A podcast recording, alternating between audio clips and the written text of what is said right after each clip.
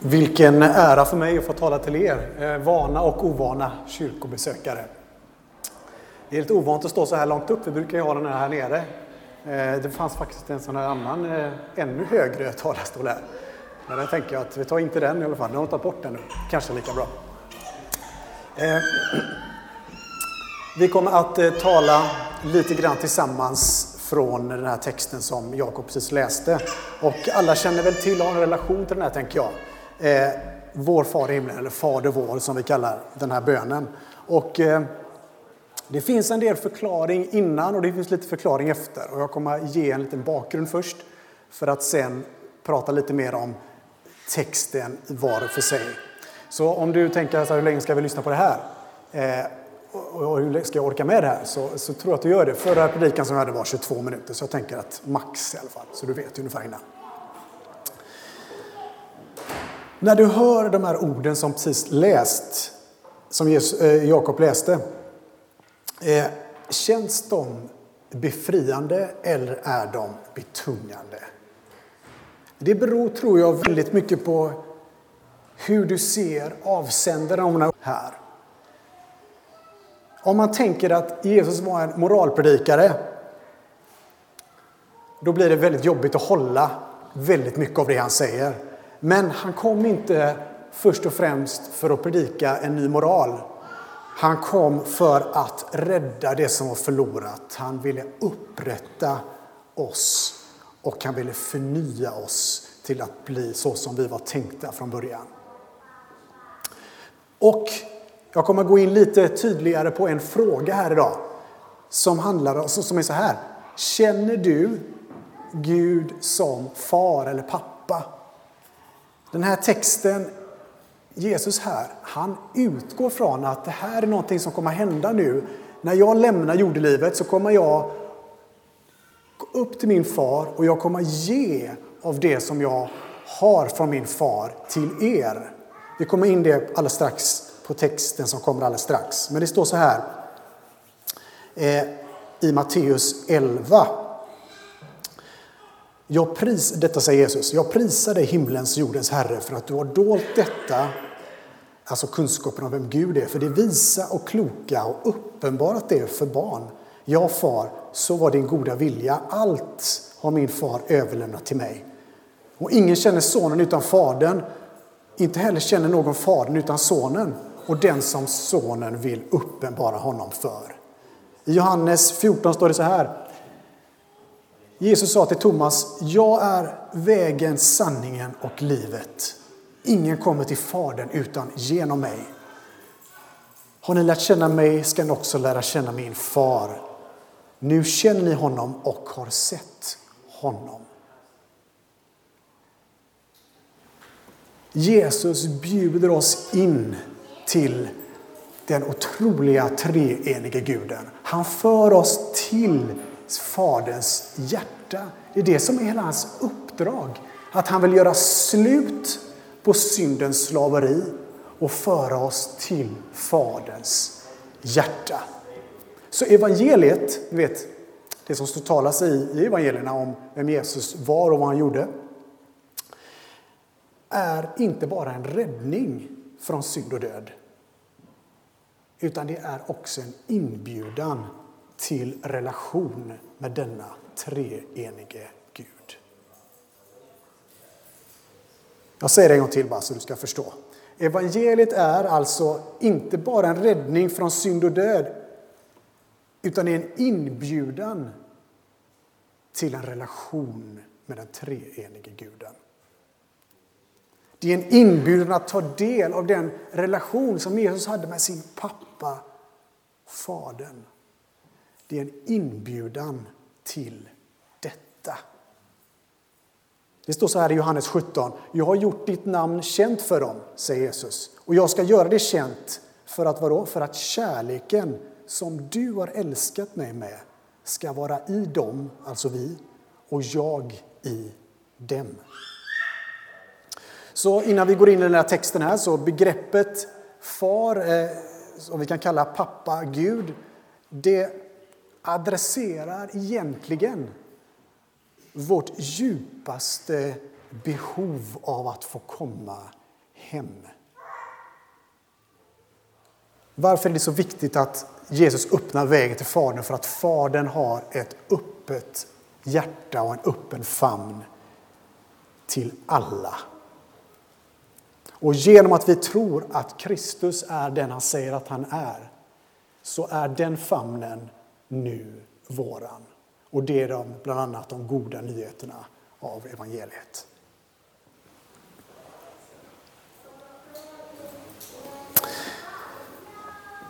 Vilket evangelium! Vilket evangelium att få bli hans barn på nytt. Är du räddad, känner du dig frälst som vi säger, då är du också per automatik hans älskade barn. Och det är här som vi går in i texten där eh, Jesus öppnar den här kända bönen som han säger eh, med Fader vår. Han inkluderar oss i, faderns, i, i relationen med Fadern. Han inkluderar oss att få vara med. Och evangeliet här är lite liksom under radarn. För man kan ju bara läsa eller säga eller be den här texten som Ja, Fader vår, du som är i himlen. Men vad Jesus säger är att han har öppnat dörren till Fadern. Därför säger han Fader vår. Det är inte bara Jesu fader utan han har blivit vår fader.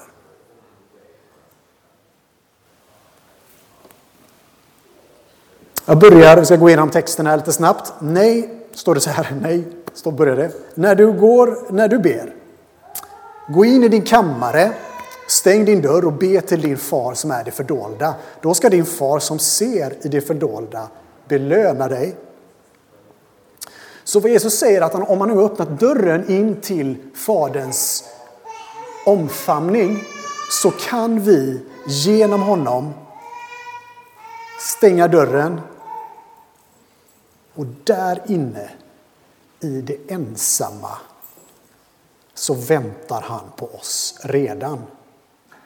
Så vi kan komma till honom och han kommer ge av sig själv till oss. Så därför så vill han inget annat hellre, en faders hjärta vill inget annat hellre än att vara med sitt eller sina barn. Och det är precis faderns hjärta enligt evangelium. Att han vill inget annat hellre än att umgås med oss. Vilken inbjudan! Där i det innersta rummet så vill han möta dig, du och han, bara du och han. Vilken inbjudan och vilken rikedom att få hänga med eller besöka eller umgås med Gud själv.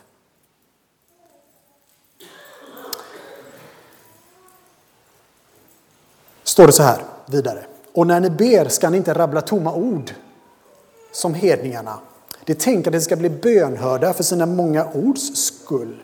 Var inte som det, för er far vet vad ni behöver redan innan ni ber honom om det. Där i det innersta rummet där du stänger dörren och ber dina ord så är det ett hjärtats bön som Gud älskar. Det går inte att blidka Gud med många ord. Eh, börja med en, en hel eh, ramsa av bra saker som man tycker stämmer rätt så bra att säga till Gud.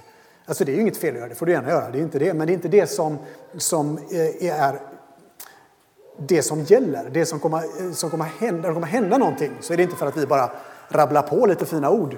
Utan vad det handlar om är när vårt hjärta möter Gud så händer det någonting. Och det finns inget annat som du behöver göra. Det enda du behöver göra är att be från ditt hjärta. Det låter väl enkelt? Eh, men det, ibland är det det svåraste. Men om man ber lite grann så till slut så kommer man i, i linje med sitt hjärta. Ni vet att om du har en relation, det är ungefär samma som du har en relation med din partner. Och din partner, du, du bara pratar på, det är liksom inget hjärta i den du pratar. Det kommer till slut bli en rätt så tom relation. Du bara pratar om väder och vind. Men om du pratar om saker som betyder någonting, om du pratar med ditt hjärta till någon, då helt plötsligt så blir det liksom lite vibration i förhållandet. Och precis på samma sätt så är det i den relation som Gud har fixat åt oss. Att vi på samma sätt kan ställa in vårt hjärta och tala med ord som verkligen betyder någonting. Och ibland så är det för mig i alla fall, jag vet inte hur det är för dig, men ibland är det för mig bara hjälp kanske inte är så mycket mer än en sån bön. Hjälp mig med den här situationen eller vad det nu kan vara. Och det kan vara ens hjärtas bön, så, så tänk inte att du behöver ha en lång harang. Du behöver i hans närvaro inte känna någon stress och press över hur du ska be. Nej, det enda du behöver, eller du får göra vad du vill, men det enda du egentligen behöver göra det är att öppna ditt hjärta och ropa Abba, Fader. Det står så här i Romarbrevet 8 och 15. Ni har inte fått slaveriets ande så att ni på nytt måste leva i fruktan. Nej, ni har fått barnaskapets ande så att i honom ropar vi nu Abba, Far. Anden själv vittnar med vår ande att vi nu har blivit Guds barn. Och I Galaterbrevet 4 står det, och eftersom ni är söner har Gud sänt i våra hjärtan sin sons ande som ropar Abba, Fader. Och själva bönen då, den är ju så här som Jakob läst förut. Så ska ni be, vår far som är i himlen. Låt ditt namn bli helgat. Låt ditt rike komma, låt din vilja ske på jorden som i himlen. Ge oss idag vårt dagliga bröd och förlåt oss våra skulder så som vi förlåter dem som står i skuld till oss. För oss inte in i frestelse utan fräls oss ifrån det onda. Och så kommer tillägget som Jesus säger här. För om ni förlåter människorna deras överträdelser ska er himmelske far också förlåta er. Men om ni inte förlåter människorna ska inte heller er far förlåta era överträdelser. Jag kommer att landa lite i den här texten här, några minuter till. Hela Fader vår, den här bönen, är en proklamation eller ett ropa ut Faderns nya relation till oss. Det är en bön att hans namn, hans rike ska bli känt. Inte bara som det redan är i himlen, men även här på jorden. Den säger att vi kan luta oss mot honom för han ger oss allt som vi behöver i form av mat, kläder och husrum. Och han ska återigen förlåta oss vår skuld. Och så kommer en väldigt speciell och egentligen rätt otrolig proklamation. Så som vi förlåter dem som syndar mot oss. Och där är det ju lite svårare och knivigare att förlåta dem som är hårda mot oss och här i så kommer vi se evangeliets hjärta och behov för oss att ta emot hans hjärta. När vi i våra hjärtan tar emot hans förlåtelse för det vi gjort och gör, fritt och förintet utan några hakar. Det är först då jag verkligen kan ge den förlåtelsen som är fritt och förintet. För förlåtelse med villkor blir ju ingen förlåtelse alls. Och om Gud inte har någon hake utan, och han har heller inga villkor på sin förlåtelse utan han förlåter fullständigt i kärlek då kan vi få del av den kärleken och sen ge den vidare. Om vi bekänner att vi är Kristi efterföljare så är vi kallade faktiskt att inte stanna kvar i ett hårt hjärta som inte förlåter sin medmänniska. Utan vi är kallade in till Guds, Faderns öppna armar för att ta emot hans förlåtelse för att vi ska kunna vara det salt och det ljus som Gud har valt att vi ska vara på jorden. Och när vi förlåter vår medmänniska så är vi trogna det som Gud har gjort mot oss. Det står så här, sista jag ska säga och landar här. För om ni förlåter människorna deras överträdelser ska er himmelske far också förlåta er. Men om ni inte förlåter människorna ska heller inte er far förlåta era överträdelser. Ibland är det omöjligt att förlåta. Därför kan man be Gud Hjälp mig att förlåta. Hjälp mig att få ditt mjuka hjärta.